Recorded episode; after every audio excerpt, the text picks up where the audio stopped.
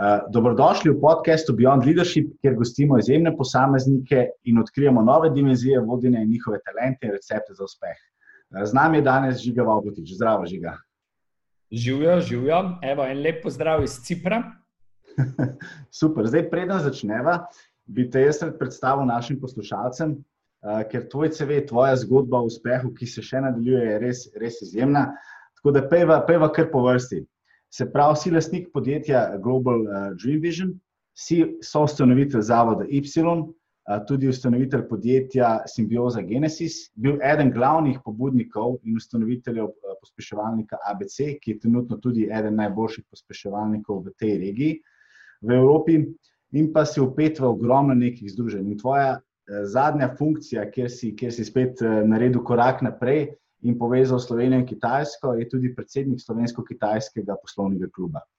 In zdaj, če greva še korak naprej, si tudi avtor večjih knjig. Um, prejel si tudi kar nekaj nagrad in častnih nazivov. In zdaj bom samo tri omenil, ki, ki mali stopajo, ampak ostali so prav tako pomembni.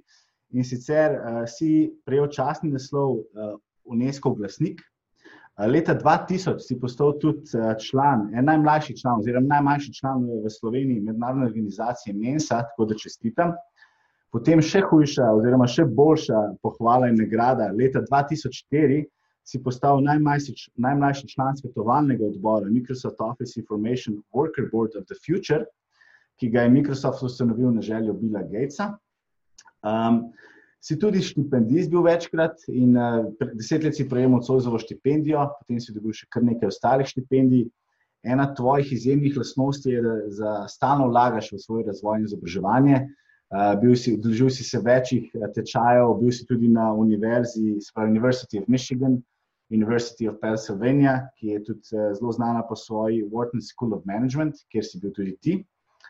Um, in zdaj, če greva uh, korak nazaj v, v tvojo kariero, leta 2014 si se pridružil tudi Outfitu, uh, Outfitu 7, in potem leta 2017 do 2019 postal in vodil kot predsednik upravnega odbora, sedaj si v non-executive funkciji.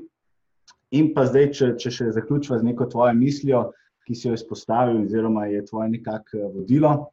Um, zelo si upet v poslovni svet, ampak hkrati ti pa zelo pomembna tudi družbena odgovornost in pa socialno podjetništvo. Tako da žiga še enkrat dobrodošel, to je bilo na kratko. In sedaj, ja, da, da ne pozaba, delaš tudi doktorat. Tako da čestitam. Um, zdaj, preden začneva, bi jaz, oziroma jaz se zmeraj začnem z vprašanjem, če bi bila mi dva sošolca v gimnaziji, kakšen je bil žiga? Ali je bil zvedal, ali je bil brtih? Ja, lej, glede, glede na stvari, ki si jih naštel, jih je nekaj že bilo um, tudi v srednji šoli aktiviranih. Tako da jaz sem bil sigurno en tak uh, proaktiven mulj že takrat. Um, ukvarjal sem se z mnogimi stvarmi, družba me je zanimala tako v Sloveniji. Um, ogromno sem potoval, bil sem aktiven pri uh, različnih svetovnih kongresih mladih ljudi. Um, hkrati pa moram reči, da sem bil v šoli priden. Uh, hodil sem na gimnazijo Bežigrad in sem bil za štiri leta odličen. Tako da je bila to tako neka kombinacija, ki se mi je zdela pomembna, da na nek način um, narediš tisto, kar moraš, in hkrati v bistvu probiš dodati še nekaj več. In, in, in, in jaz upam, da bi sošolci, če jih danes bi srečo, opišajo um, približno tako, kot sem rekel. Evo, tako Zdaj, ena najbolj uspešnih uh, slovenskih zgodb, tudi uh, edini in pa prvi slovenski samorog, je tudi Outfit 7, res izjemna zgodba o uspehu. In uh, mene malo zanima, in tudi naše poslušalce, kako je bilo voditi uh, tako korporacijo. In kako ste takrat, kaj, kaj je bil takrat tisti moment, ko ste dejansko se zavedali, da je pa res zgodba, ki bo doživela res izjemne razsežnosti? Ja, zdaj, Jaz moram reči, da res na tej poti življenja sem za mnogo, mnogo stvari hvaležen. In um, marsikaj se je zgodil tudi zelo neplansko. Če bi nekdo deset ali pa petnajst let nazaj rekel, da bom jaz predsednik uprave uh, milijardnega podjetja, ne, uh, bi verjetno rekel, da se še v tistih najboljših in najbolj zanimivih sanjah hecajo. Ampak um, ja, to je bila ena zgodba um, mojega prehoda iz nevladnega sektorja, ko mi je veliko ljudi učitelj, žiga, vse je super, Y, simbioza, vse te zadeve. Ampak, veš, v real biznisu je treba narediti zgodbo. Takrat sem sicer predtem zelo bil pripravljen stopiti v politiko. Veš, da znam biti tudi kritičen in glasen, uh, um, kar se tiče širše družbe. In se mi zdi, da če človek hoče nogomet komentirati, ga ne, ne komentira samo iz kavča. In če želiš komentirati politiko, moraš v neki fazi tudi to kislo jabolko biti pripravljen ugrizniti. Um, Alenka Bratušek je takrat iskala državnega sekretarja za mlade, ampak izziv, imela sva en izziv, ne, z dolžnim spoštovanjem do predsednice, ampak na tem mestu si je res želela imeti žensko. Ne. In jaz sem rekel, predsednica, marsikaj v življenju sem pripravljen narediti, spremeniti, ampak ta sprememba je bila pa vse malce prehuda, zato da bi um, državi pomagal ali pa ji dal nek, nek svoj pogled. Um, zdaj, potem je bil meni to malce signal, morda je pa čas, da grem v gospodarstvo. In kar je zanimivo, izkusim priložnosti prek ljudi, kjer sem verjel, da so njihove vrednote zanimive in se jaz lahko od njih nekaj naučim. Uh, in tako sem potrkal na vrata Ize in samo ta logina, ki sem jih že prej, bom rekel, intenzivno zaradi psino na vabo, pa sta bila vedno preveč zasedena. Um, ampak um, mi smo se veliko pogovarjali, predvsem o njeni fundaciji, njeni zgodbi in želji, um, da bi delala dobro z vidika razvoja sveta. Um, Mar si kdo že slišal, ampak uh, ravno to je bila ena tako zelo močna želja in tudi razlog, zakaj je outfit sploh bil ustanovljen. In to se mi zdi, da je treba tako poudariti, ker, ker verjetno se marsikaj zgodi z nekimi razlogi. In, in Iza in samo login sta si želela ustvariti uh, uspešno podjetje, ki ga boste prodala um, in kjer boste potem lahko ta denar namenjala družbenim uh, projektom. Takrat, ko sta bila fokusirana na outfit, sta bila verjetno ena najbolj fokusiranih ljudi. Ne? In kljub temu, da, da ta uvod kaže na to, da, da jaz probujem v življenju ne biti vedno fokusiran, um, sem res hvaležen za to, da je v šestletno izkušnjo, um, da sem imel priložnost eno tako zgodbo pomagati graditi, uh, bil zraven pri milijardni akviziciji. In potem, v bistvu, ko so prišli tuji lastniki in to Kitajci, um, v bistvu dve leti predsedovati upravnemu odboru. Um, zdaj, seveda, v vseh teh fazah je, je, je podjetje bilo različno. Um, bom rekel, so različno uh, zgodbe, kulture bile noter. Um, v vseh uh, teh zgodbah je bilo pa enotno to, da je Talking Tom bil in je um, izjemno globalen um, da danes ni države na svetu, kjer ne bi imeli uporabnikov. Um, trenutno um, smo čez 14 milijard downloadov in imamo nekje, mislim, da več kot 350 milijonov mesečnih uporabnikov. Um, in stalno, bom rekel, sta se vrtele vsaj ene, dve zgodbe noter. In sicer, da smo hoteli svetu ponuditi neke te zabave, neke te zgodbe vrednot prijateljstva in joja. Mhm. Um, hkrati pa da smo seveda zelo močno čutili to našo odgovornost, ker imeti toliko userjev um, je absolutna stvar tudi odgovornosti. Um, jaz moram reči, da absolutno sem še enkrat za to priložnost uh, res hvaležen, ker jaz sem sicer prišel kot čist pogodbenik. Um, takrat je bilo vprašanje, znam uh, kaj developmenta, sem rekel, ne, znam kaj risati, sem rekel, ne, se je za malo za glavo prijela, pa rekla, potem v HR dala. Talent Acquisition Specialist je bil moj naziv, da ti poznaš veliko ljudi. In jaz mislim, da sem predvsem za eno svojo vrednoto, o kateri, ko govorim z mladimi, jo večkrat podarjam, in to je vrednota odgovornosti. V bistvu uspel delati te korake. Vedno sta mi obuvala malce večje čevlje, kot sem jih bil verjeten sposoben. Hkrati me vedno podpirala um, z vidika, da ratelj ti bo in hkrati smo ti pripravljeni pomagati. v življenju sem precej fast learnerja in, in to mi je verjetno omogočalo to, da je to res ena tako lepa zgodba, ki ni bila vedno samo enostavna. Um, hkrati pa moram reči, da je ena izmed tistih zgodb, ki mi je morda žal, da Slovenija ni večkrat bolj ponosna na njo, um, da jo večkrat ne poslušamo in slišimo. Um, res je, da seveda Outfit 7 se je morda začel, so bili zametki v Sloveniji, potem je to radila globalna zgodba. Tudi razlog, da sem danes na Cipru in sem zadnjih šest let na Cipru doma. Um, ampak se mi zdi, da bi si večkrat kot družba mogli želeti, da več ljudi ustanovi in naredi Outfit 7, ker takrat bomo razumeli, da če bomo kot družba, kot celota, uspešni, oziroma ko bojo posamezniki uspešni, bomo tudi kot družba, kot celota uspešni. In tukaj, tukaj nas včasih zmanjka, um, in morda s tem zaključim ta, uh, bom rekel, prvo vprašanje outfita. Veš, znamo biti ponosni na športnike, um, takrat se znamo poenotiti kot narod. Um, žal ne zmoremo pohvaliti politikov. Um, Hkrati mi je pa grozno, da ne znamo biti ponosni na naše gospodarstvenike, znanstvenike, um, ljudi, ki so v svetovnem merilu špica. In ja, Outfit 7 je sigurno ena izmed tistih zgodb, ki je iz nič, z pametjo nekaj ljudi in s trdim delom mnogih uh, postala svetoven fenomen, kjer kadarkoli in kamorkoli potujem. Um, je, je to nekaj, kar uh, ljudi poznajo, jim je imenitno, jim je zabavno, um, in, in, in naredi poseben vtis. Uh, hvala, ne, se, se čist strinjam, čist prav se mi zdi, da ena stvar, ki nam uh, mogoče malo manjka, je s tem upravim pozitivna aroganca, ne samo zavest. Jaz sem kar lep čas preživel v Ameriki in ena stvar, ki sem se naučil, da tam se vsako mehko zmago res proslavi, pa ogromen PR, pri nas pa take zgodbe o uspehu, nažalost, zelo hitro pozabimo, kar ne bi smeli in bi mogli če, dalje več o tem govoriti.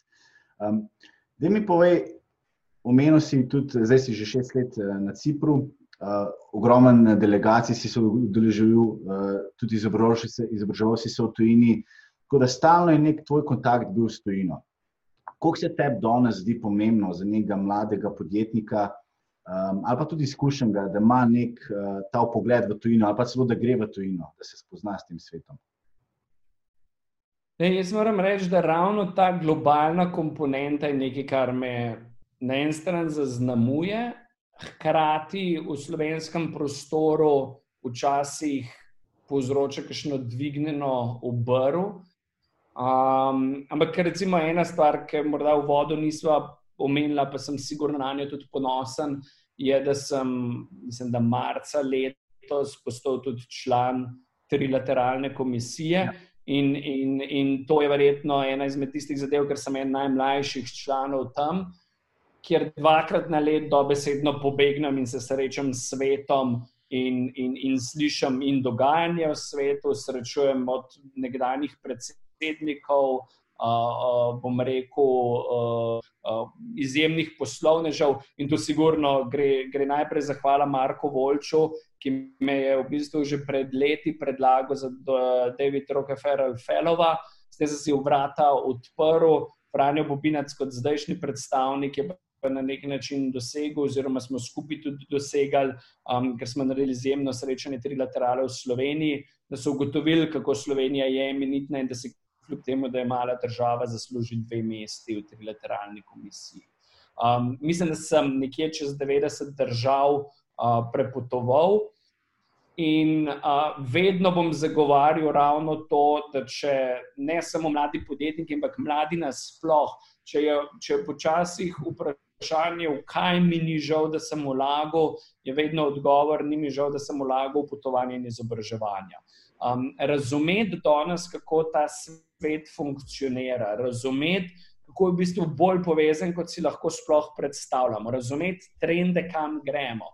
Razumeti, da če bomo pustili vojni med Kitajsko in Ameriko svojo pot, da to ne bo dobro, predvsem za svet. Razumeti, um, kaj nas čaka če širše sveta ne bomo razumeli z vidika migracij, okoljskih sprememb, um, da enostavno bomo kmalo imeli Indijo in Afriko ali Evropo ali kjerkoli druge. Zaprav, jaz mislim, da svet ti da absolutno en tak zelo pogled na gost, um, države so pa lahko neko drevo. In ko podjetniki razmišljajo o trgih, ni nič narobe, če pač ugotovijo, da jim je trg samo Slovenija.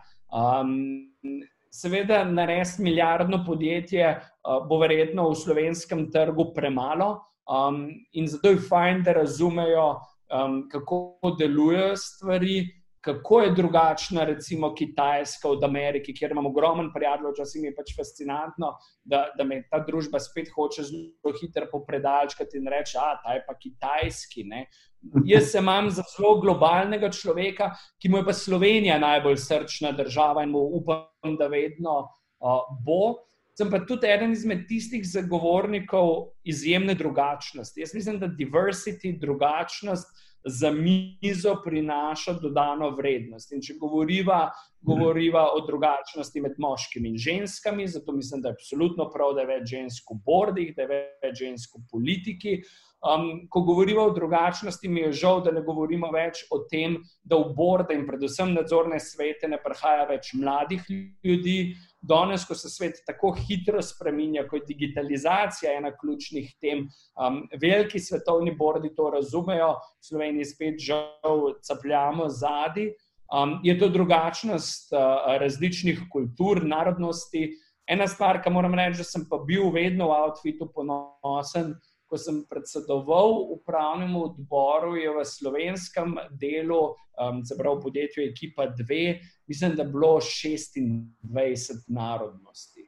In glede na to, kako smo Slovenci pogosto zaprt narod, kako je težko zaradi, bom rekel, davčnih razlogov, kjer obremenjujemo delo najboljših in najbolj sposobnih in pametnih ljudi, pripeljati svet v Slovenijo, um, se mi zdi, da je to en tak velik dosežek, da smo znali to drugačnost za mizo um, probati razumeti. Ker vedno pravim, da ko se ljudje preveč strinjajo z mano, ali pa ko so mi ljudje preveč podobni, se tega prav veliko v življenju jaz ne morem naučiti. Se strinjam, hvala, res odličen, uh, odličen odgovor. Uh, da mi malo razloži, se pravi, Outfit 7 se je začel kot, kot startup, rado je izjemna globalna zgodba. Uh, danes je na svetu, mislim, da okoli 9 milijonov različnih aplikacij.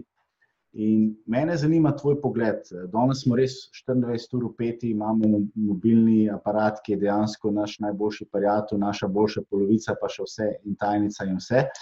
Um, kako ti gledaš na te, na te tehnologije, ki prihajajo? Zdaj, ponovadi imamo dve strani. Ena stran se tega boji, pa prav ogromno nekih podatkov dajemo od sebe, druga stran zagovarja. Um, izboljša nam boje življenje, res da nam sledijo, ampak hkrati nam, nam izboljšujejo življenje. In, in, in je neka velika dodana vrednost. Kako ti na to gledaš, ko ste res ustvarjali neko aplikacijo, ki je spremenila svet in še v bistvu spremenja in dela res dobre in izjemne stvari? Seveda, lej, to bo absolutno neko moje osebno uh, mnenje.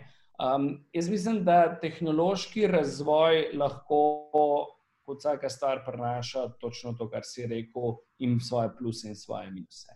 Um, da bi rekel, da sem samo vernik tehnologije, um, absolutno ne, um, ker, ker vpliva, bom rekel, ta na tudi kvaliteto življenja, na neke odnose. In zato je morda še bolj pomembno, da se znamo, uh, predvsem pogovarjati, da se znamo poslušati in da se znamo slišati, da ohranjamo te, bom rekel, osebne um, stike, kar je seveda v teh časih morda še, še posebej, bom rekel, zahtevno. Po drugi strani pa seveda ta tehnologija lajša marsikaj. Ne? Tako da neka prava mera uh, in, in, in, in biti pozoren, ne? tako kot je treba biti pozoren, da človek ne, ne rata odvisen od česar koli je treba biti tudi pozoren, da človek ne rata odvisen glede tehnologije.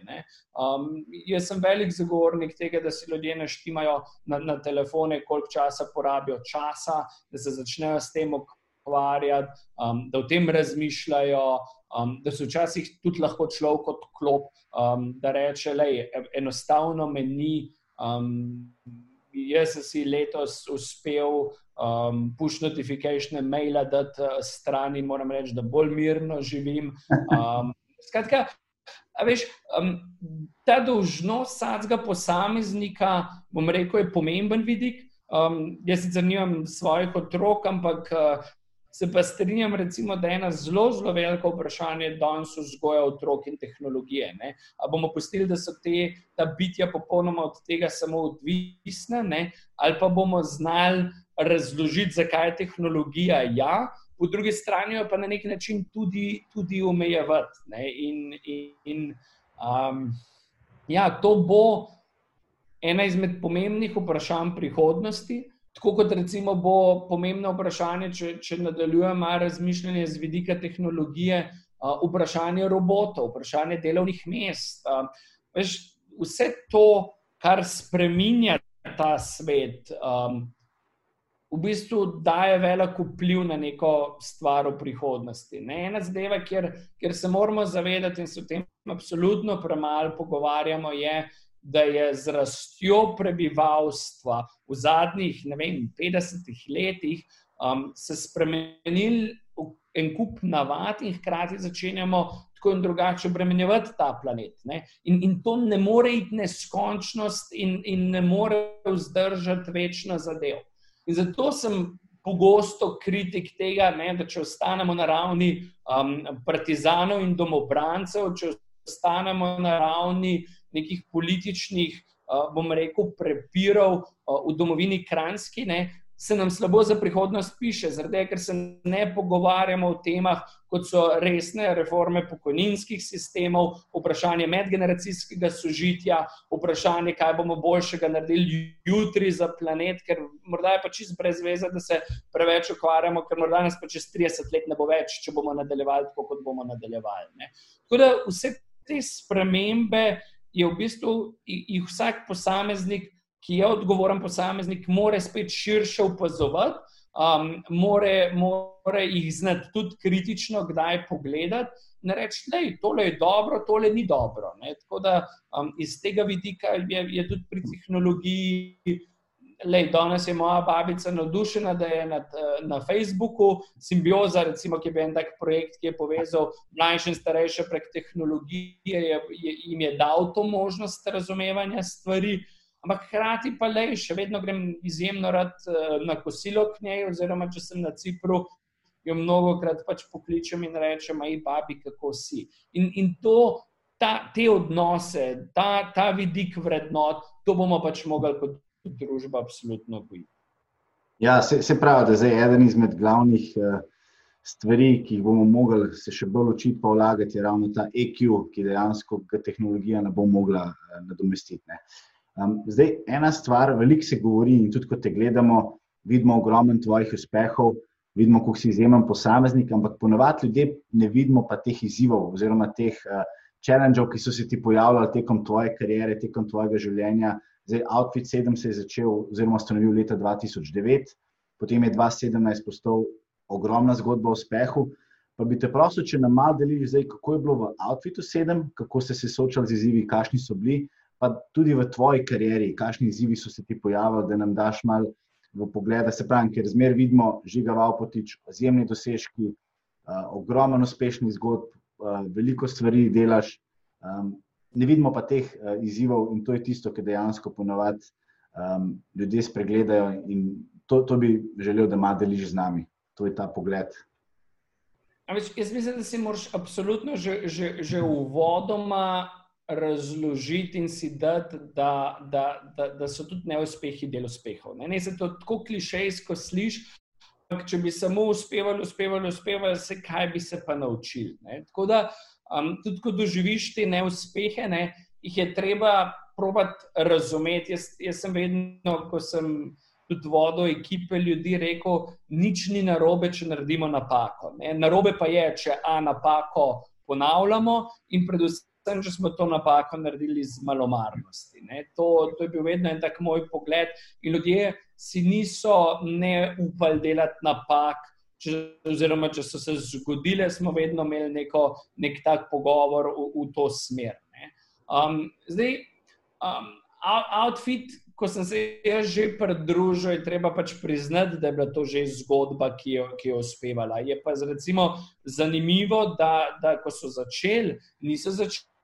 Z produktom uh, uh, govorečega Toma, Talking Toma, in, in je to ratelj absolutno tako uspešna zadeva. Ker neki pet, šest različnih projektov so naredili, um, ki niso bili uspešni, ki so jih zavrgali. Ampak enostavno ta moč bom rekel, manifestacije, če želiš, mhm. um, ta prepričanost, da bojo uspeli, um, ena izjemna genialnost, uh, uh, samo ta pri razumevanju, kje svet v tem trenutku je in kaj so pomembni trendi.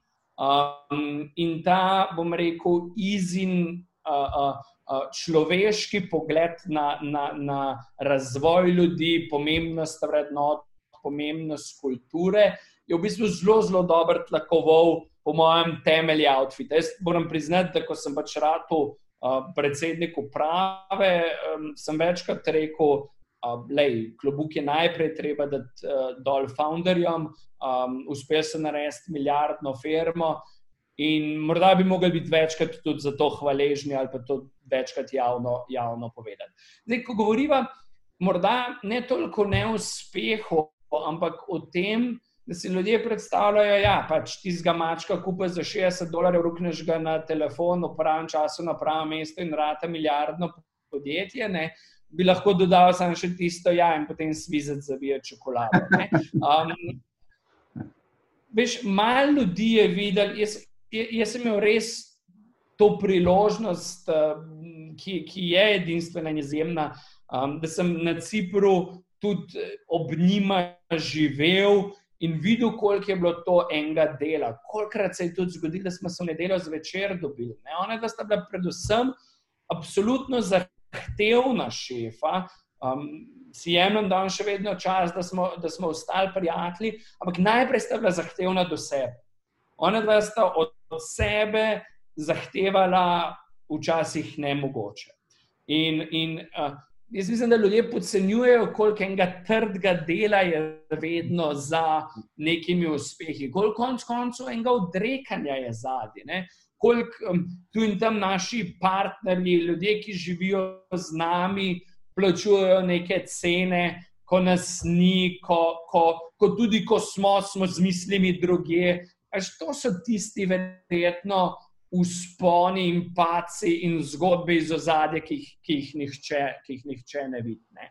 Um, po drugi strani pa ja, veš, um, če verjameš, če imaš ta notranji drive, če imaš to energijo, če, če te nič ne ustavne, potem greš svojo pot.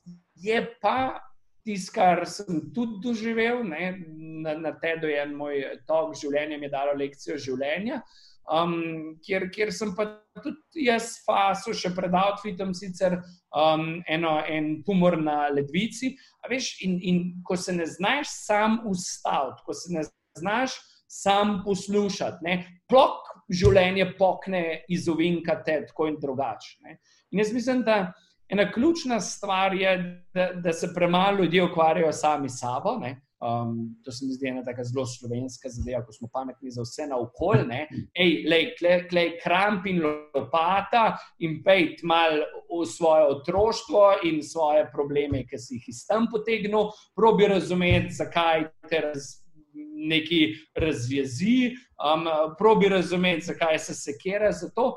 In vsak posameznik ima na sebi toliko dela in toliko stvari, da preden vržem kamen v kogarkoli drugega, um, verjetno lahko celo piramido s kamni zgradim okoli sebe. In to, to, to se mi zdi, da je en ključ uh, uspehov in neuspehov, ne? da, da se mnogo bolj kot z drugimi, um, mnogo bolj kot da sodimo, pametujemo.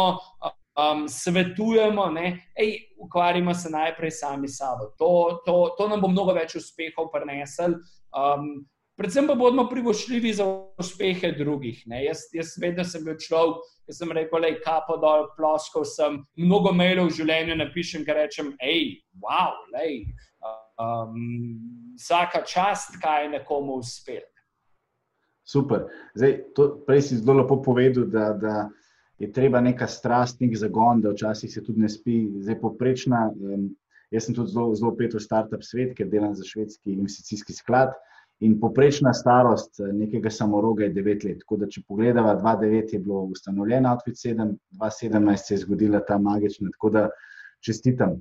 Um, zdaj, prej si tudi omenil, ti si bil v, v večjih funkcijah, večjih vlogah, še danes si, tako vladnih kot nevladnih. Um, In mene zanima, vodil si različne ekipe, mednarodne ekipe, kako se je pa tvoj slog uh, vodenja, recimo, spremenil, zdaj, če se malo dotakne vodenja uh, tekom tvoje kariere, tvojih let. Um, kaj si opazil pri sebi? Tisto, kar, kar, kar ti bodo ljudje povedali, je, da verjetno me je outfit naučil mnogo več odločnosti. Um, jaz po naravi sem človek, ki si želim, da bi se vsi razumeli, da bi bil svet lep in da bi se imeli vsi radi. Ne? Mam, priznam, um, če ne po videzu, ampak po vrednotah mal tega misve. Ta um, želje, veš, um, na, naj bo svet lep in zauzemali se bomo za mir na svetu, priznam. Um, pa seveda ugotoviš, da, da, da ko stopiš v, v, v vidik vodenja, mi je bila recimo ena izjemna šola, že simbioza, morda že prej Y, ampak simbioza je en tak projekt, kjer veš, si mogel z navdušenjem uh, motivirati ljudi z vizijo, ne? Ej, nekaj velikega bomo naredili, pomagali bomo starejšim, povezali bomo Slovenijo. Um, tako da ta, ta vidik vizionarstva, malo autentičnosti, malo tega, da, da dam noter v bistvu sebe, da se zavedam pomena vrednot, da bi jasno, da je walk the talk tisto, kar je pomembno. Um, to so tiste stvari, ki me stalno spremljajo. Um, verjetno pa ta mal odločnost um, res pol prišla z, z outfitom um, in eno pomembno zavedanje, da v bistvu ni težko voditi, ko stvari uspevajo. Umetnost vodenja, to je večkrat samo rekel in to mi bo večno ostalo v šestih, je sprejemati šiti decižne. Ko nisi v situaciji, ko bo tvoja eh, odločitev vedno win-win, ampak moraš zbrati nekaj, kar, ne bo, kar bo boljše kot drugo, pa kljub temu, da boš plačal z neko ceno in morda malo krvi. Ne? In, in veš, če se vrnem v, v, v mojo to osnovno vrednoto mi sveta, ne, kjer, kjer se bi mi radi vsi in jim bilo lepo. Je tukaj včasih ta moj element, ki sem se ga mogel pomembno priučiti, ravno to, da je včasih je treba reči, žal je to moja odgovornost in zato se bom odločil tako. In pač, ker je to moja odgovornost, bom pač posledice nosil jaz kot vodja, kot tisti, ki, ki, ki načeloma um, pač pelje ta nek vlak uh, naprej. Ne? Um, tako da ne vem, tudi moji starši ti bodo danes povedali, da sem včasih mnogo bolj um, zahteven, da, da, da, da nam rekel, da sem tečen. Ampak, veš, ko veš, kaj je treba in kaj je rad, potem to narediš, kdaj je tudi zelo odločno se mi pa zdi, ali pa mi je še vedno zelo pomembno, um, da so mi ljudje prva stvar pri vodenju, um, da, da sem ponosen na to, da verjetno predvsem tisti, ki sem jih vodil ali pa so bili del moje ekipe. Bodo marsikaj lepega povedali o meni. Um, včasih ne nujno, da ravno kolegi, ne, ki so me malo po stran gledali, ker svojo drugačnost sem pogosto vnašal v ta način vodenja. Ampak nikoli nisem hotel biti uh, mikromanager, hotel sem spodbujati ljudi. Veš, na koncu je zelo skrivnostna zadeva, ko žal premalo menedžerjev ali pa voditeljev razume. Ne? Če znaš dobro motivirati svoje ljudi, um, potem se lahko ukvarjaš z zelo simpatičnimi zadevami. In to je postavljanje vizije, strategije, zelo malo operative. Um, če pa si mikromanager, imaš pa vsak dan samo več in več problemov. Ne? In to je ena taka skrivnost uh, vodenja, ki sem jo relativno mlad uh, uh, razumel.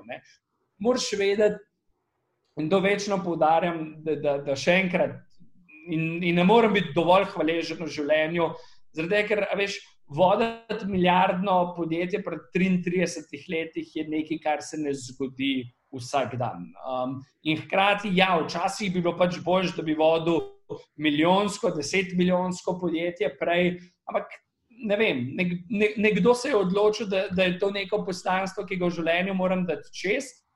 Um, in, in pač sem se mogel znajti, veš, vržen si, vržen si, plavaš, za me je bila industrija nova.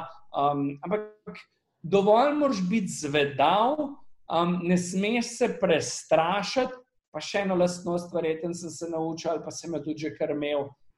Ej, ko naredim napako, mi je ni težko priznati, se za njo, je potrebno, tudi upravičiti in povedati, kaj sem se pa jaz naučil. Veš, biti vodja in da je to občutek, da si samo vse mogočen, je sila nevarna zadeva. Um, moraš na nek način razumeti, da tudi ti kot vodja uh, boš delal napake. Hkrati pa še ena, ena stvar, ki mi je pomembna, naučil sem se, da v življenju želim biti obdan z boljšimi ljudmi, kot sem sam. Um, zaradi tega, ker če se obdam z dobrimi in izjemnimi ljudmi, se bom prvič jaz marsikaj lahko naučil, in tudi mi, kot tim, bomo rastli. Um, hkrati pa morda ravno to ta skrivnost, da ti kot vodja, moraš pa na nek način spet ta gost, če sem dal že prej primerjavo gozda, razumeti ta holističen svet, pogled ta big picture mora biti vedno tvoj, ne? vedno moraš iti na goro, pa ne zato, da si na gori nad ljudmi. Ne? Jaz um, nikoli si nisem predstavljal, da sem zato, um, ker pač vodim karkoli več vreden. Jaz vedno pravim, voditi pomeni samo imeti več odgovornosti. Več odgovornosti lahko pomeni več skrbi, um, to lahko vpliva na zdravje, tako in drugače. Ampak kaj pa pomeni iti na goro, pomeni pa videti več in videti dlje to se mi zdi, da je ena tako pomembna uh, tudi lastnost dobrih vodij, ki sem se pač mogel s časom vsega tega naučiti. Super, hvala. Tukaj res, če se strinjam s tabo, se mi zdi, da je res vloga vodje grejenje odnosov. Da, da, da se gradi na odnosih in da dejansko se zavedaš, da nisi najpametnejši, in tudi ni dobro, da si, da se obdaš z ekipo, ki te dopolnjuje in celo nadgrajuje v določenih znanjih. Zdaj, ena stvar, ki bi se jaz tudi dotaknil, je in verjetno se vse zanima. Ti si res opet v ogromni izjemnih stvari, ogromno uspešnih zgodb, ogromno idej imaš. Eh, verjamem, da bo še ogromno nekih projektov prišlo, za katere bomo še slišali. Um, kako ti uspeva, kaj je tvoj recept za uspeh, kako se zorganiziraš, kaj, kaj ti pomaga? um, ali pa se bo zgodilo, da bom v nekem momentu rekel, um, zginem in bom uh, ob morju lovil ribe. Nikoli ne rečem, tega se v življenju navadil in naučil. Lej, ena ključna stvar je, da, da se mi zdi, da probujem ne prelagati stvari, ki jih lahko naredim danes na jutri. Ne. To je en tak. Ljudska modrost, pa hkrati zelo dober recept v življenju, da, da lahko čim več stvari narediš. Um, morda, pa spet povezan z mojo prvo, prvo lastnostjo um, sveta in mahanja, je to, da malo težko rečem ne. ne. Tukaj, tukaj bi se lahko izboljšal, absolutno. Um, kdaj to tudi kdo izkoristi, ampak če to preveč ljudi izkorišča, sem se pa že naučil reči ne. Um, ampak zato, ker ne rečem ne, um, pol, pol, je, pol je teh stvari veliko. Ampak po drugi strani, ja, veš, je, je ravno uh, to, morda ena taka moja lastnost, da znam povezati različne svetove, stvari. Um, naučil sem se tudi delegirati, konec koncev, povedati, kaj bom jaz naredil in česar tudi ne bom naredil. Um, pa, a veš ta zvedavost moja. Ne? Sej Outfit 7 mi je vedno to omogočil, ker sem bil na tolikih različnih položajih, toliko hiter sem rastel, da sem se večno mogel samo učiti. Ne? Ampak mal je pa ta moja narava, da me toliko stvari zanima. Da, da, da, a veš, praktično, seveda so stvari, ki o njih ne imam pojma in me tudi ne zanimajo, ampak je precej stvari tako na tuduju, ki bi jih še rad v življenju znal um, ali pa naredil in tako, Tako da um, je to ta, ta, ta vidik zvedavosti, ta vidik odgovornosti in ta vidik organiziranosti, po mojem, tak temelj uh, k temu, da mi uspeva na nek način žonglirati v tem svetu različnih stvari. Super. Da nam malo povej, zdaj, uh, ena nova zgodba o uspehu je tudi, da si postal predsednik slovensko-kitajskega poslovnega kluba. Poleg tebe so v izvršnem odboru res tudi izjemni posamezniki. In malo nam opiš, kaj je, kaj je zgodba od zadaj, uh, kakšna je strategija. Lej, um, prva stvar, ki mi je tudi outfit, bom rekel, prenesel in je zelo posebna in po mojem mnenju izjemno dragocena, je ravno ta priložnost dela s Kitajci. Jaz sem gospodu Čuju, ki je lastnik outfit Sevna, v bistvu zelo hvaležen za to, da mi je zaupal, da je milijarde plačal za to podjetje in potem je na ekipi, kjer je bilo kar nekaj slovencev, zaupal, da smo jo vodili. Um, In kaj sem v tem procesu, ali pa tudi v svoji funkciji, ravno predsednika uprave, največ mogel delati, ali pa mi je bilo največji izziv, je, je ravno ta različnost kultur. Jaz si upam trditi danes, da so ravno Kitajci verjetno najbolj zahtevni v svoji drugačnosti z vidika poslovnih kultur. Um, zdaj, to prenaša pogosto nek strah. Um, to pogosto prenaša neko bojazen, in ko se zgodi ta bojazen in strah, in ta element, se pogosto ljudje zakrčijo. In potem lahko naredimo tudi kakšne neumnosti, bom rekel, ali kot države, v odnosih, v kulturi. Kitajska to si upam reči, je zgodba uspeha. Če pogledaš, da je 30-40 let nazaj bila to država v razvoju, ne. kjer so druge države, bom rekel, plačevale za to, da, da, da se je uh, družba razvijala. In ko pogledaš danes, kaj je Kitajska naredila, ne, je mislim, da prav, da rečeš, wow, ta družba je naredila ogromno. To ne pomeni, da ne znam biti kritik Kitajske. To ne pomeni, da sem velik fan samo Kitajske. To ne pomeni, da si želim kitajskih vrednot uh, v svojo državo, v svoje okolje. Ampak prijeva spet na to, da, da ta drugačnost, po mojem mnenju, bogati. In jaz, kader sem na Kitajskem um, in bil sem na Kitajskem kar velikrat, um, me navdahne z vidika, kaj vse se da. The sky is the limit, lahko rečemo, absolutno, absolutno na Kitajskem. To je druga največja ekonomija, ki postaja verjetno prva ekonomija. Ravno danes sem bral, da ko se cel svet ukvarja z vprašanjem planiranja, je Kitajska sprejela 15-leten plan strategije razvoja Kitajske. Kitajska je že danes v Sloveniji pomemben partner, ki um, ga ne moremo ignorirati. Še večji problem pa je, če, ga, če se želimo do njega napačno obnašati. Kitajci so specifični, Kitajci znajo biti zamerljivi, um, Kitajci znajo biti občutljivi. In zato se nam je zdelo modro, da postavimo na nek način skupino ljudi, ki je s Kitajci delala dovolj, um, da si približen znamo dovolj reči, dovoliti reči, da nekaj o Kitajski vemo. Zato, da lahko ponudimo roko sodelovanju vsem tistim, ki morda Kitajske ne poznajo, um, vsem tistim, ki bi Kitajsko radi bolje spoznali, in vsem tistim, ki se morda danes Kitajske bojijo, um, ali pa bi radi tudi o njej kritično razpravljali z ljudmi, ki nekaj od njej vedo. In se mi zdi, da je to tista zgodba, zakaj smo gospodarstveniki, ki smo, ki smo s Kitajsko dovolj delali, rekli, da naredimo tako organizacijo. Um, želeli smo si jo priključiti um, in tudi to z razlogom, ker je kitajski to pomembna, kitajski so organizacije pomembne, kitajski je hierarhija pomembna.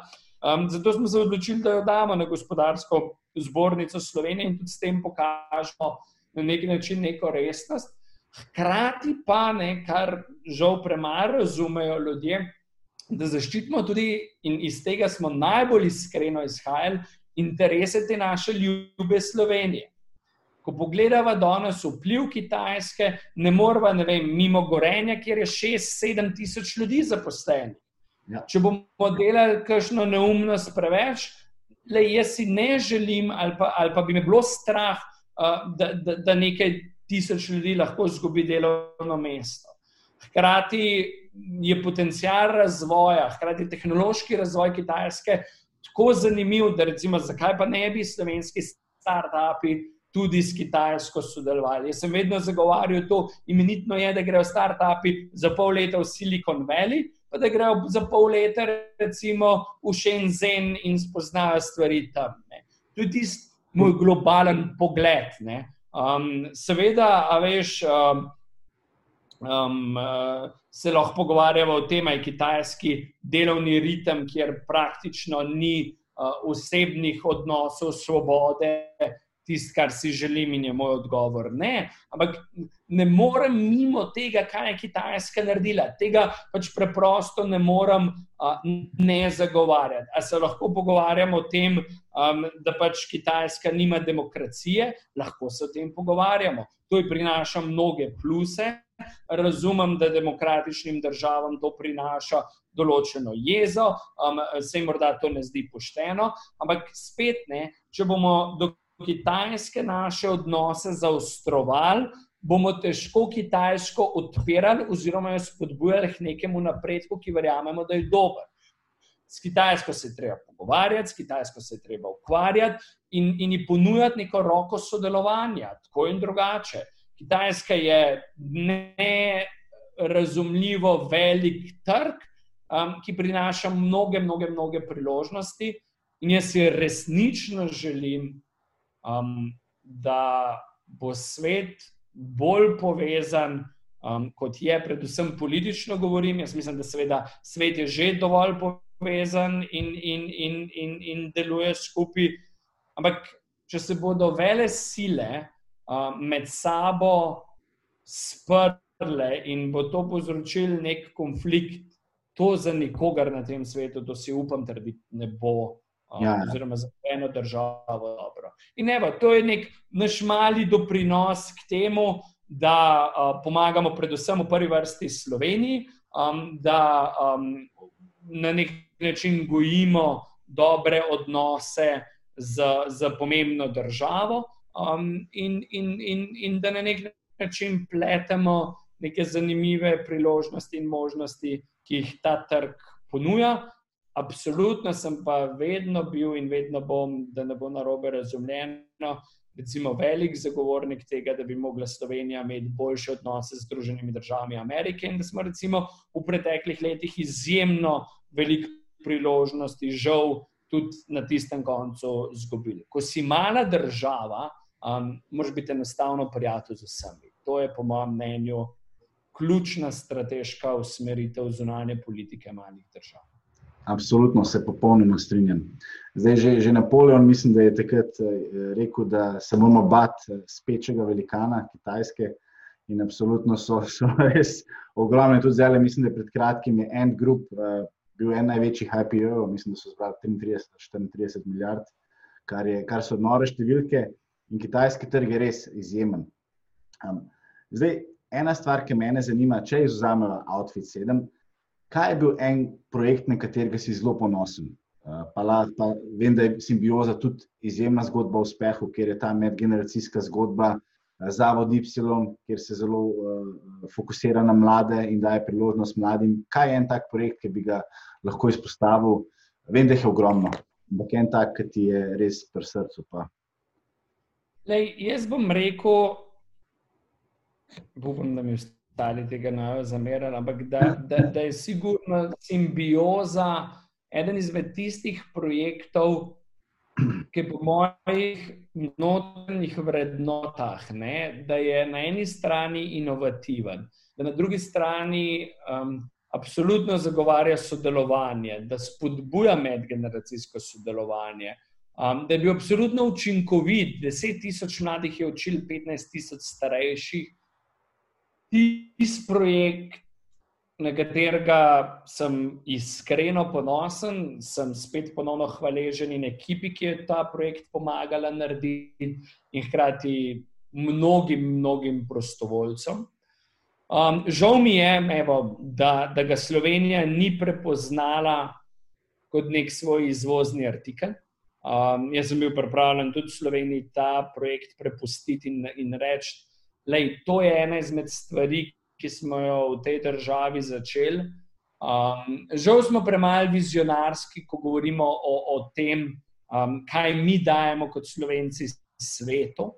Um, in glede na situacijo demografsko, o kateri se spet premalo pogovarjamo, ali pa še premalo razumemo, ne, bo ravno vidik medgeneracijskega sodelovanja, vprašanje tega, ali bomo znali obdržati zavezništvo mladih in starejših, ja, eno ključno z vidika razvoja celotnega sveta. Um, če bomo dosegli to, kar se pogosto želi doseči, da bomo probali skregati te dve generacije, da bomo na eni strani hodili prikazati, da so starejši um, družbi breme, ne pa bogatstvo modrosti. In da so mladi, po drugi strani, leni, nesposobni, in da od njih nič ni, ne, se temu svetu absolutno ne piše dobro. In jaz mislim, da je simbioza pomembno vplivala na povezovanje tega. In jaz moram reči, da največja um, zmaga ali pa najlepši dokaz uspeha tega so bila številna pisma, klici. Na eni strani starejših ljudi, so zelo iskreno rekli, da je toliko mladih ljudi si je vzel čas, prostovoljno, brezplačno za nas. Znajo so biti ustrajni, znajo so biti potrpežljivi. In če so to uspeli narediti, potem se pa jaz več ne bojim za prihodnost naše Slovenije. In na drugi strani so bile ta, ta razmišljanja mladih ljudi, da je v modrih ljudeh toliko bogatstva, da niso enostavno tam za odmed družbe, um, cuzajo pokojnino in od njih nič ni, ampak da se skriva ta modrost, ki jo prenašajo leta izkušnje. Ta želja, da so še vedno del družbe, pomagati mladim, pomagati svojim znanjem in biti koristen se mi zdi, da je to tisto, kar je naredil simbiozo dovolj izjemno in posebno, da jo morda kot tisti projekt potegnem ven. In še enkrat, um, jaz sem ponosen tudi, da simbioza še vedno danes obstaja, da še vedno pele zgodbo naprej, um, da znajo biti inovativni, pogosto ni lahko, um, pogosto ni razumljena. Ampak jaz mislim, da če smo bili mal, bom rekel, predčasni časom bomo slej kot prej ugotovili, kaj je bila dodana vrednost tega. In če so mnogi deležniki polni ust um, medgeneracijskega sodelovanja, so predvsem mladi v simbiozi pokazali, kaj medgeneracijsko sodelovanje je z dejanji, in jaz mislim, da smo na to res lahko upravičeno ponosni. Čestitam, res, mislim, res izjemen projekt, projekt, ker mislim, da, kot si že izpostavil, tudi če greva gledati poslovni svet, ogromen podjetnikov, predsednikov, prav, članov, prav, direktorjev, ima že kar neko kilometrino za sabo izkušnje, ki so zelo dragocene. Hkrati prihajajo mladi talenti in se mi zdi, da neko sodelovanje z novim znanjem, mladi talenti, in se mi zdi, da neko sodelovanje je absolutno zelo pomembno. Tako da se treba čim več povezati in si pomagati. In moje naslednje vprašanje se glasi: Ti si pri 33 letih vodil milijardno podjetje. Da, kako, kako se zgodi, ko naprimer, greš spat in naslednji dan zveš, jaz pa danes vodim uh, milijardno podjetje? kaj, kaj še ne pute, kaj se ti po glavi plete, kaj si rečeš? Uh, moram, uh, ne vem, spiješ kozarc vina. Ne, ne, ne. Jaz mislim, da pri meni se vedno zgodi, da predvsem vidim veliko, veliko odgovornost v tem. Seveda je to neka zmaga, ampak veš, je večja zmaga, pol, ko, ko, ko, ko uspešno končaš taka vodenja ali pa ko uspešno končaš neko obdobje. Moja ena ključnih nalog je bila pač stabilizirati, predvsem z kulturnega vidika, bom rekel, to podjetje in, in nekomu, ki je plačal milijardo um, pokazati in, in, in dokazati, da, da je bilo to podjetje absolutno vredno um, tega denarja. Um, tako da jaz, jaz verjetno vse te um, velike zgodbe, ki jih mnogi vidijo kot velik uspeh ali pa neko zmago, jo jaz vedno vidim kot predvsej veliko odgovornost. In um, ta vidik, to je tudi nekaj, veš, jaz jaz sem si dovolil vprašati samo ta nizo, zakaj jaz. Lej, bilo je vse mnogo ljudi okoli, um, svet ima mnogo bolj sposobnih posameznikov kot sem jaz. Um, pa sem že na tej poti od pogodbenika do chief operation officerja v internem startupu, potem chief revenue officerja, um, tako hitro rastel. Um, da je včasih to presenetilo tudi mene. Ne? In ena tistih ključnih res zadev je nek tak odnos do ljudi in hkrati velika mera odgovornosti. To je tisto, kar, kar one dva pravita, da je, da je mene delal na tej poti posebnega. In, in včasih ne morem razumeti, ali pa probujem mladim razložiti, da je res tako preprosto, ne, da je odgovornost tako pomembna stvar, ej, pol sam bodite res odgovorni. Tisto, kar rečete, naredite, um, naredite pa še kdaj kaj več, kot rečete. In, veš, se to, to ni nek, to, to, to ni nek, bom rekel, kvantna fiska ali pa, ali pa iznajdba uh, uh, uh, cepiva evo, za virus, da smo aktualna, je to nekaj tako preprosto življenjskega. Ne. Ampak, recimo, vem, ko sem bil chief revenue officer, sem vedel, da si želijo narediti za zaposlene um, kafeterijo. In sem pač rekel, hej, to bom prevzel jaz. Pojma nisem imel, v življenju nisem restauracije naredil. Um, najdel sem uh, v BTC-ju prostor, bil je betonski, izvajalce, ponudnika, ukvarjal sem se z vprašanjem prezračevanja prostorov. V bistvu me je šok ruknil, koliko stanejo resni prezračevalne naprave. Skratka, spet sem se nekaj novega naučil. Pa bo nekdo rekel, pa zakaj si se pa ti kot chief revenue officer ukvarjal s kafeterijo? Lej, zato, ker je vedno vprašanje, kaj lahko dodatno, kar je pomembno, za nekoga ali za neko okolico naredim. In meni ni nikoli bilo problem narediti tisti korak več, prevzeti odgovornost in to tudi izpeljati. In to je en tak, če, če, če, če iz vsega najmenjega pogovora mladi vzamejo samo eno stvar, bi res rad, da vzamejo vprašanje odgovornosti. Da postanejo odgovorni in da naredijo ta korak več s toliko ljudmi se pogovarjam, toliko ljudi srečujem, ki mi pravijo, žiga, tako težko je najti odgovorne ljudi, ki tisto, kar rečejo, naredijo. In to mi je včasih v bistvu na eni strani strašljivo, na drugi strani pa ponuja eno tako priložnost za vse tiste ljudi, ki so pripravljeni v življenju biti odgovorni in narediti korak ali dva več. Super. Zdaj, ena stvar, ki si omenil, ne, da, si se, da si se um, podajo tudi v druge vloge, uh, kot Chief Revenue Officer. Um, in ena stvar, ki me je fascinirala, je tudi, koliko si dejansko vlagal v svoje izobraževanje in stalno nadgrajevanje. In tudi jaz sem zagovornik tega, da se človek mora stalno izobraževati iz vseh različnih vlog. In tudi, um, kar koli delaš, danes ti bo slejko prej prišlo v, v življenju v določenem, v določenem obdobju. Tako da me zanima, ti imaš res ogromno nekih tečajev, certifikatov, ogromno nekih stvari um, si počel v življenju. Kako misliš, da je to pomembno, da si danes tam, kjer si raven, v bistvu zaradi tega, ker si se zavedel, da je treba vlagati v tvoj razvoj? Uh. Jaz mislim, da je to ena od ključnih stvari, ne, ker te naredi na eni strani bolj odgovornega, naredi ti bolj širokega in predvsem, a veš, ti pokaže različne poti, da se marsikaj v življenju da. Um, večkrat me mladi sprašujejo, žiga, a se na faks splača iti. Ja, ja. Um, lej, in, in seveda lahko pol dobim. Um, Bila Gatesa, ki ni naredil, bom rekel, faksa uh, kot očitek. Ne? Ampak jaz vedno mladim rečem, da v bistvu ne pogledam ali pa me ne zanima, kakšne ocene si na faksu imel. Um, me pa vse zanima, si faks končal. Iz predvsem enega razloga. A si finišer, ko si duar, ali nisi finišer, ko si duar.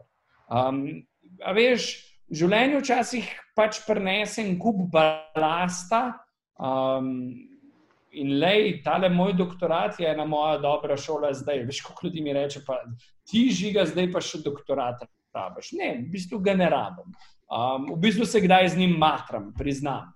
Um, Lej, morda bo to na prvi zadeva, pa upam, da ne bo, kaj ne bom v življenju končal. Ampak rečemo, da jo bom, da še vedno to verjamem. Ampak, a veš, spet si postavljam neke, neke, neke nove izzive, neke nove poglede, nek nov svet. Ne? Veš, jaz se sprobam sprehajati zelo iz nevladnega sektorja v, v gospodarstvo, povoham politiko in sem neskončno vesel, da sem jo uspel pobegati.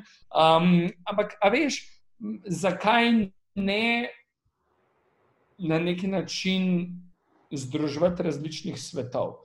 Zanima me na eni strani umetnost. Um, v času krize sem bil vesel, da sem uspel na ime Mani Rož pomagati v svetu kulinarike. Um, veš, to, to mi daje širino, to mi daje po, drugi strani, poleg širine, svobodo duha. To, da lahko rečem, vsakmu s tabo si želim sodelovati, ali pa lahko vsakmu rečem, da to me ne zanima. Jaz vem, da je zim, mnoge ljudi, da pač zelo razmišljam svojo glavo, da povem svoje mnenje, ampak čistko, kar si danes mislim. Sej, če me nekdo prepriča, da sem naredil napako, spet sem se pripravljen upravičiti. Ampak ne rabim ugajati zato, ker se bojim, ali bom jutri imel delo ali ga ne bom imel delo. Ne rabim ugajati zato, ker se bojim. A bom lahko prišel v, v, v nadzorni svet nekega slovenskega uh, podjetja ali ne pač mi ne uspeva, zato ker morda zelo iskreno napišem, da se pač težko strinjam, da, da, da, da sedeš v nadzornem svetu, prenaša boter v politični stranki. Zato, ker je to skregano z mojo, na nek način, pogledom uh, meritokracije. To pomeni, da se s politiki nisem pripravljen pogovarjati, daleč od tega. Kjerkoli predsednik vlade, pa mi bo všeč ali mi ne bo všeč, me bo poklical in me bo prosil, da naredim nekaj dobrega za Slovenijo, bom to naredil. Ja, problem je, da nisem od nobenega, še včasih moja mama pa oče reče, da, da, da znam postati neposlušen. Ampak, hej, to me dela tajacga, kot sem, to me dela morda malo posebnega, um, to me dela včasih malo težko razumljivega. Um, ampak v tej koži se predvsej dobro počutim. V tej koži pri svojih 35 letih lahko rečem, wow, ej, to je pa do zdaj bilo življenje, ki sem mu res hvaležen, ko ga pogledam nazaj, ni prav veliko stvari, ki bi jih naredil drugače. Super, to te dela z eno besedo, osebo, ki ima svoje vrednote in to je super, avtentičnega. Tako da eh, se, po, po, se popolnoma strinjam. Zdaj, ena stvar, ki se mi zdi zelo pomembna, je tudi, um, prej si omenil samo te pa izo, da sta ti veliko uh, svetovala, vodila, ti dajala zaupanje, je tudi mentorstvo. In vem, da si ti tudi uh, zelo iskan v, v teh vodah kot mentor mladim. Um, pa me zanima, ali si tudi ti imel kakšno osebo, mentorja ali pa več mentorjev v tvoji karieri, življenjski poti, ki so te zaznamovali. In kako se ti zdi to pomembna vloga? Absolutno, Lej, teh ljudi je bilo na, na tej poti kar nekaj, kar nekaj je še vedno. Um, tudi samo in za danes eh, lahko potrkam na njuna vrata, jih prosim za nasvet in to marsikdaj naredim. Um, imel sem ljudi, ki so me v pravem momentu znali. Bom rekel, tudi kar boleče, ne fizično, ampak ja. tako, klofuto premazati, ko je moj ego bil mal poseben. Veš, um, na tej poti uspeha je zelo nevarno, da, da, da če, če ratuješ preveč uspešen, prek mal, tvoj ego postane previsok. In takrat rabaš ljudi, ki ti povejo, da si morda čist fajn, ampak ne, da to pa to pa to je treba paziti. Um, s takimi ljudmi se še vedno danes obdama, je vedno najbolj luštno z njimi, ne, ni najbolj luštno.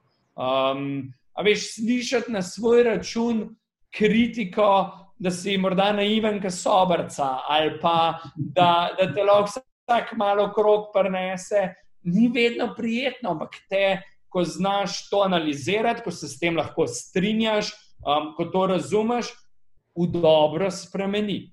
Um, in tudi to je razlog, zakaj bom rekel, zelo veliko mladim, ki potrkajo na moja vrata. Ne bo ravno prej, smo mi dva začela ta pogovor, samo eno uro pogovor z eno mlado damo, um, uh, ki, ki me pač na enem predavanju pocukala za rokav.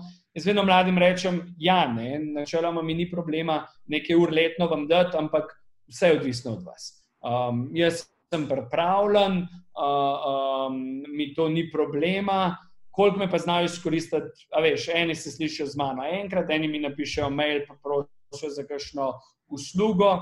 Ampak, veš, ko sem bil jaz mlad, je, je na tej poti veliko ljudi stal meni ob strani in zdi se mi pomembno in ključno, da tudi jaz stojim marsikašnim mladim ob strani. Moram reči, da me mnogi fascinirajo, da mi mnogi konc koncev v tem mentorskem odnosu ponujajo priložnost, da se tudi jaz ogromno naučim. Um, in kar ugotavljam, je, da je ta družba mladih danes, jaz jim pravim, da so malo bipolarni um, in sicer z vidika tega, da imaš en, en kup mladih, ki so žal preveč apatični.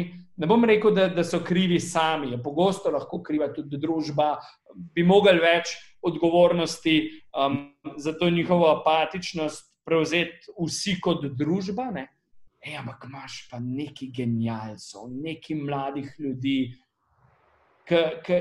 ki ne da govorijo, da bodo spremenili svet, ampak kaj v njihovih očeh, v teh iskrah, jaz vidim, da ga bodo spremenili in tistim pravim, da wow, je to je to. Ne?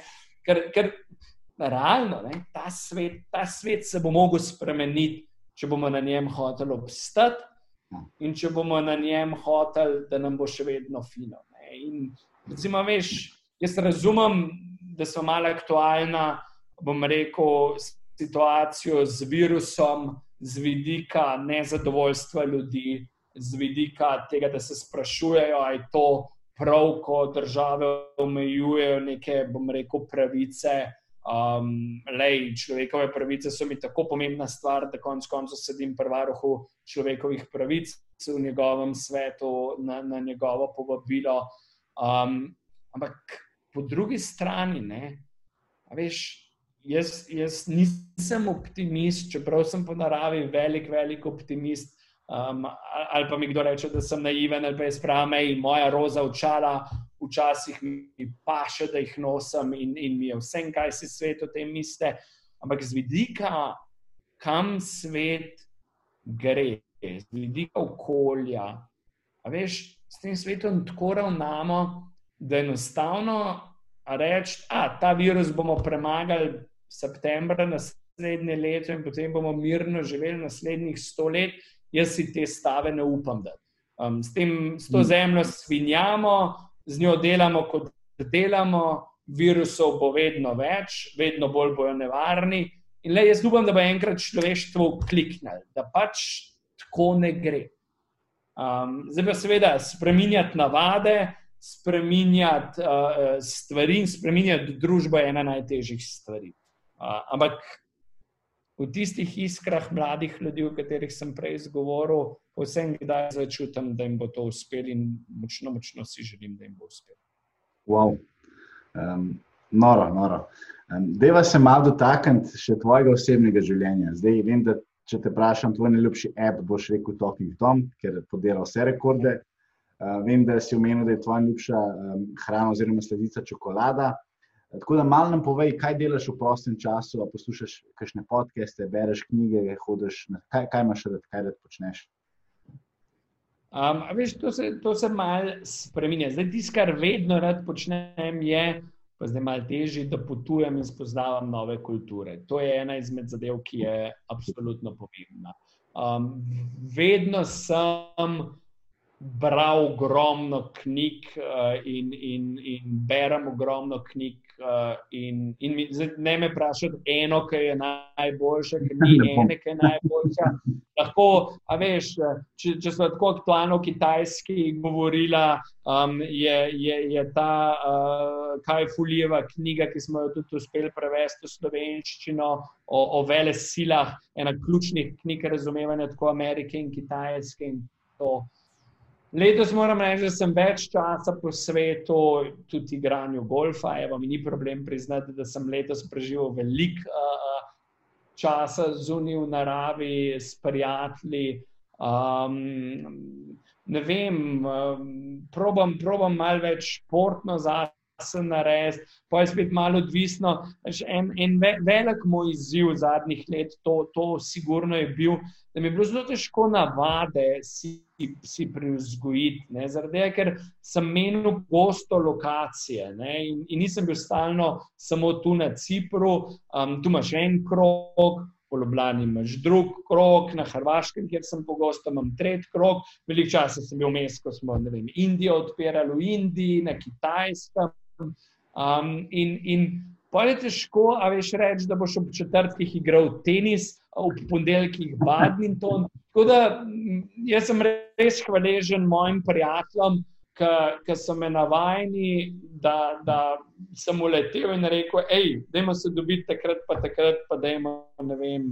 Um, Skvoši grad in to. Ne vem, zakaj športi, ki so povezani z loparjem in žogo, so mi, so mi na nek način, ali pa palcev, pa, pa žogo so mi, so mi na nek način a, absolutno blizu. Lej, seveda, kdaj poslušam tudi glasbo, um, ko si vprašal podcaste. Ja, um, sem en velik fan in imel sem čas ga tudi osebno spoznati. Uh, Davida Rubensteina, ki je v bistvu en najbolj zanimivih uh, ljudi v svetu financ ki pa na Bloombergu dela eno posebno zadevo in sicer intervjuja izjemno zanimive, znane ljudi in ima peer-to-peer um, 20-minutne intervjuje. Te intervjuje, lej, absolutno vsem priporočam, da jih poslušajo. David uspe dobiti uh, praktično vse ljudi na tem svetu. Um, in, in, in se pravi, imel sem ga v Parizu čas tudi srečati in spoznati, tako da sem en tak velik, velik njegov fan. Verjamem v to, da še vedno se izobražujem, se, kot si rekel, tale, tale doktorat sem si na križ naprtu. Um, enostavno mislim, da je to ena taka prava pot, uh, da, da, da človek razvija sebe. Um, tako da, lej, prosti čas, prosti čas uh, namenjam takim, takim in drugačnim takšnim stvarem. Včasih malo premalo pozabim ali pa pozabim na ta vidik uh, zdravja, gibanja, pa se tega, ko pridejo na več v valovih, nekaj stvari vedno bolj zavedam. Kot da rekel, da je spet zdaj na Cipru, sem zdravil po svetu malo več časa. Um, imel sem eno izjemno zgodbo lansko leto, um, lansko leto, marca, ko sem uspel, ko sem končal, bom rekel, predsedovanje upravnemu odboru sem svojega očeta in mamo popokal na avion in smo šli v Indijo. Uh, malo smo si ogledali Indijo, hkrati smo se pa za tri tedne zaprli na eno rjovetsko kliniko, um, tako da smo šli čez eno tako zanimivo čiščenje. Tako da le znam narediti zelo odbite in posebne stvari. In le ja, priznam, imam, imam to priložnost, za katero sem se pravi še enkrat hvaležen. Je, je res, da sem si vse, kar imam, ustvaril sam. Ampak probujem to življenje z neko, z neko zmerno veliko žlico, pa s kakšno čokolado uživati, eh, ker se mi zdi, da je to, to prav po svoje in si znati, kdaj vzeti čas zase, za tiste ljudi, ki so ti najbližji, in se mi zdi, da je to tisto, kar je prav.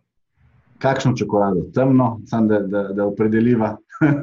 ja, lej, um, zdaj je zaradi zdravja in zaradi vseh. Uh, nekih takih pogledov, moram reči, da zadnje čase pojem precej veliko in več temne čokolade.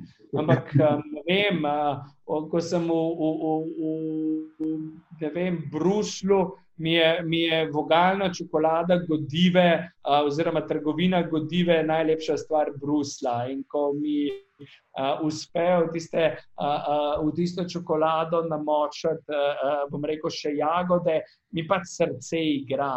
Um, imam velike prijatelje in zaveznike um, iz. Uh, iz uh, Uh, Švice, ki mi znajo tovoriti izjemne čokolade, Um, lej, čokolada je kar neka zgodba. Imamo tudi v Sloveniji kar nekaj zdaj novih čokoladarnic in to, ki, ki delajo izjemne stvari.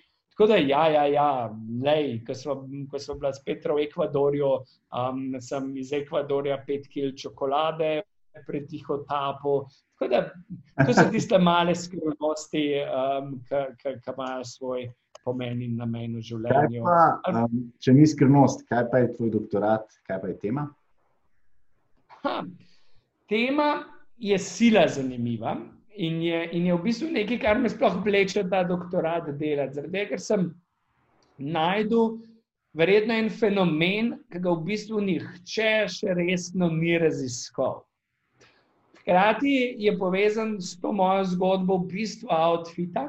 In se mi zdi, da je lahko tudi poklon prav dvema človekoma, ki jih pač cenim in spoštujem iz vidika tega, kar sta naredila. In sicer je to v bistvu zgodba tranzicije leadershipa iz biznisa v filantropijo. Um, jaz verjamem, da bo vedno več ljudi, ko bo naredilo uspešne biznise, ampak to v novo filantropijo. Veš, to ne pomeni, um, da, da je to tranzicija ljudi, ki samo dajo in, in, in, in, in naredijo filantropsko organizacijo. To smo v zgodovini pogosto že videli.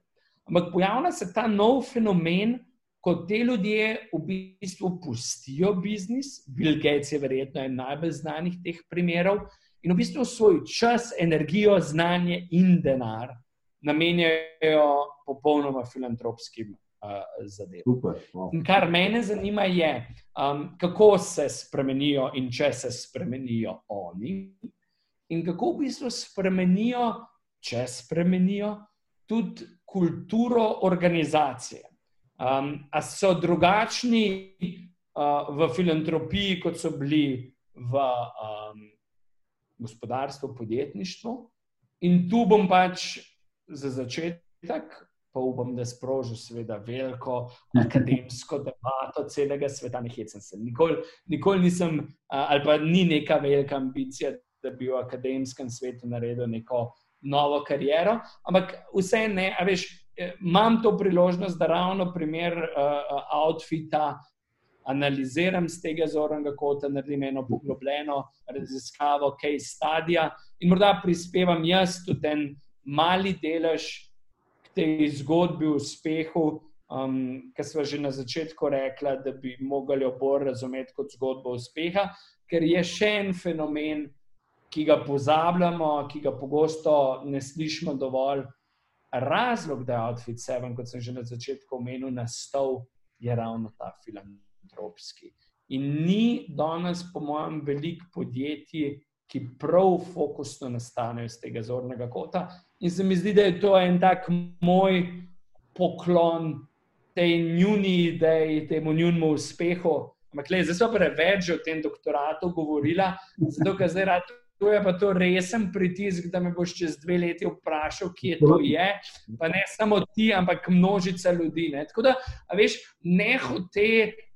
Um, čeprav se bi kdaj temu doktoratu tudi jaz izognil, da v čez kauter in rekel, pozabljena zgodba a, a, mojega življenja, evo, pa imam eno dobro zgodbo, ko me boste na intervjujih sprašvali o neuspehu. Ne?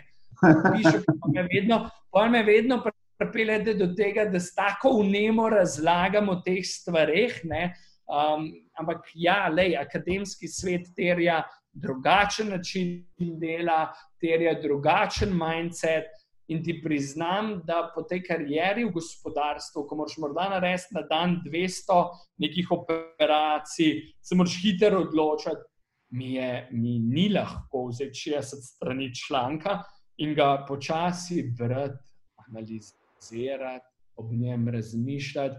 Kaj pač spet budne v nuno. Hej, lahko, executive summary mi napišete, tri pomembne citate mi dajte in, in, in, in zaključimo uh, v, v desetih minutah. Veš, in, in spet to, da si prvoščeš to drugačnost v življenju, je spet en tak, verjetno, biser in neko bogatstvo, ki ga pač imam, zato ker um, le, ja, mi ni treba, mi ni lahko, ampak če hočem razumeti tudi ta akademski svet, ki ga pogosto gospodarstveniki ne razumejo, um, kam marsikaj pogosto učitajo in eni in drugi, ne, se mi zdi, da je prav, da, da, da, ga, da ga vsaj malo pobliže spoznam in morda je doktorat ena izmed teh svetov. Zdaj, um, veliko uspeha. Um, Žiga, jaz bi se ti še enkrat zahvalil za tvoje izjemne poglede, izkušnje. Preden pa zaključujem še zadnje vprašanje, Um, če bi lahko dal tri nasvete našim mladim uh, poslušalcem, med njimi ogromno študentov, mladih podjetnikov, tudi direktorjev, predsednikov uprav, kaj bi, bil, kaj bi bili neki tvoji trije nasveti, lahko jih je tudi, tudi več. Ampak, uh, Kaj, se, neki, neki smo jih že omenili, pa jih bom morda sam absolutno um, poudaril. Um, absolutno potujte um, in se izobražujte te širine in znanja v življenju vam ne more vzeti nihče. Bodite odgovorni in tisto, kar rečete, da boste naredili, bodite toliko posebni, da naredite še malo več. In se mi zdi, da je ključ, da ostanete malo samo svoji. Zaradi tega, ker poprečnih ljudi ima svet dovolj, um, izjemne ljudi bo pa ta svet še krepko rab. Top. Žiga, še enkrat najlepša hvala. Um, re, res izjemni pogledi na sveti. In uh, ogromno si do, že dosegel, tako da jaz se veselim in tudi vem, da naši poslušalci se veselijo še nadaljnih zgodb o uspehu. Um, vem, da bo tudi ta slovensko-kitajski poslovni klub uh, doživel nove razsežnosti pod tvojim vodstvom. Tako da še enkrat najlepša hvala in veliko uspeha za naprej. Hvala za vabilo in hvala tudi tebi, da delaš te stvari, ker se mi zdi, da da je prav, da različne poglede, različna znanja, različne izkušnje širimo v, v, v ta slovenski prostor. In mi je bilo veselje in čast, da sem bil s tabo in da smo tole preklepetali. In verjamem, da kakšen svet za užep bo vsak lahko vzel. Bo super, z veseljem. Hvala. Bodi lepo. Srečno. Srečno, čau.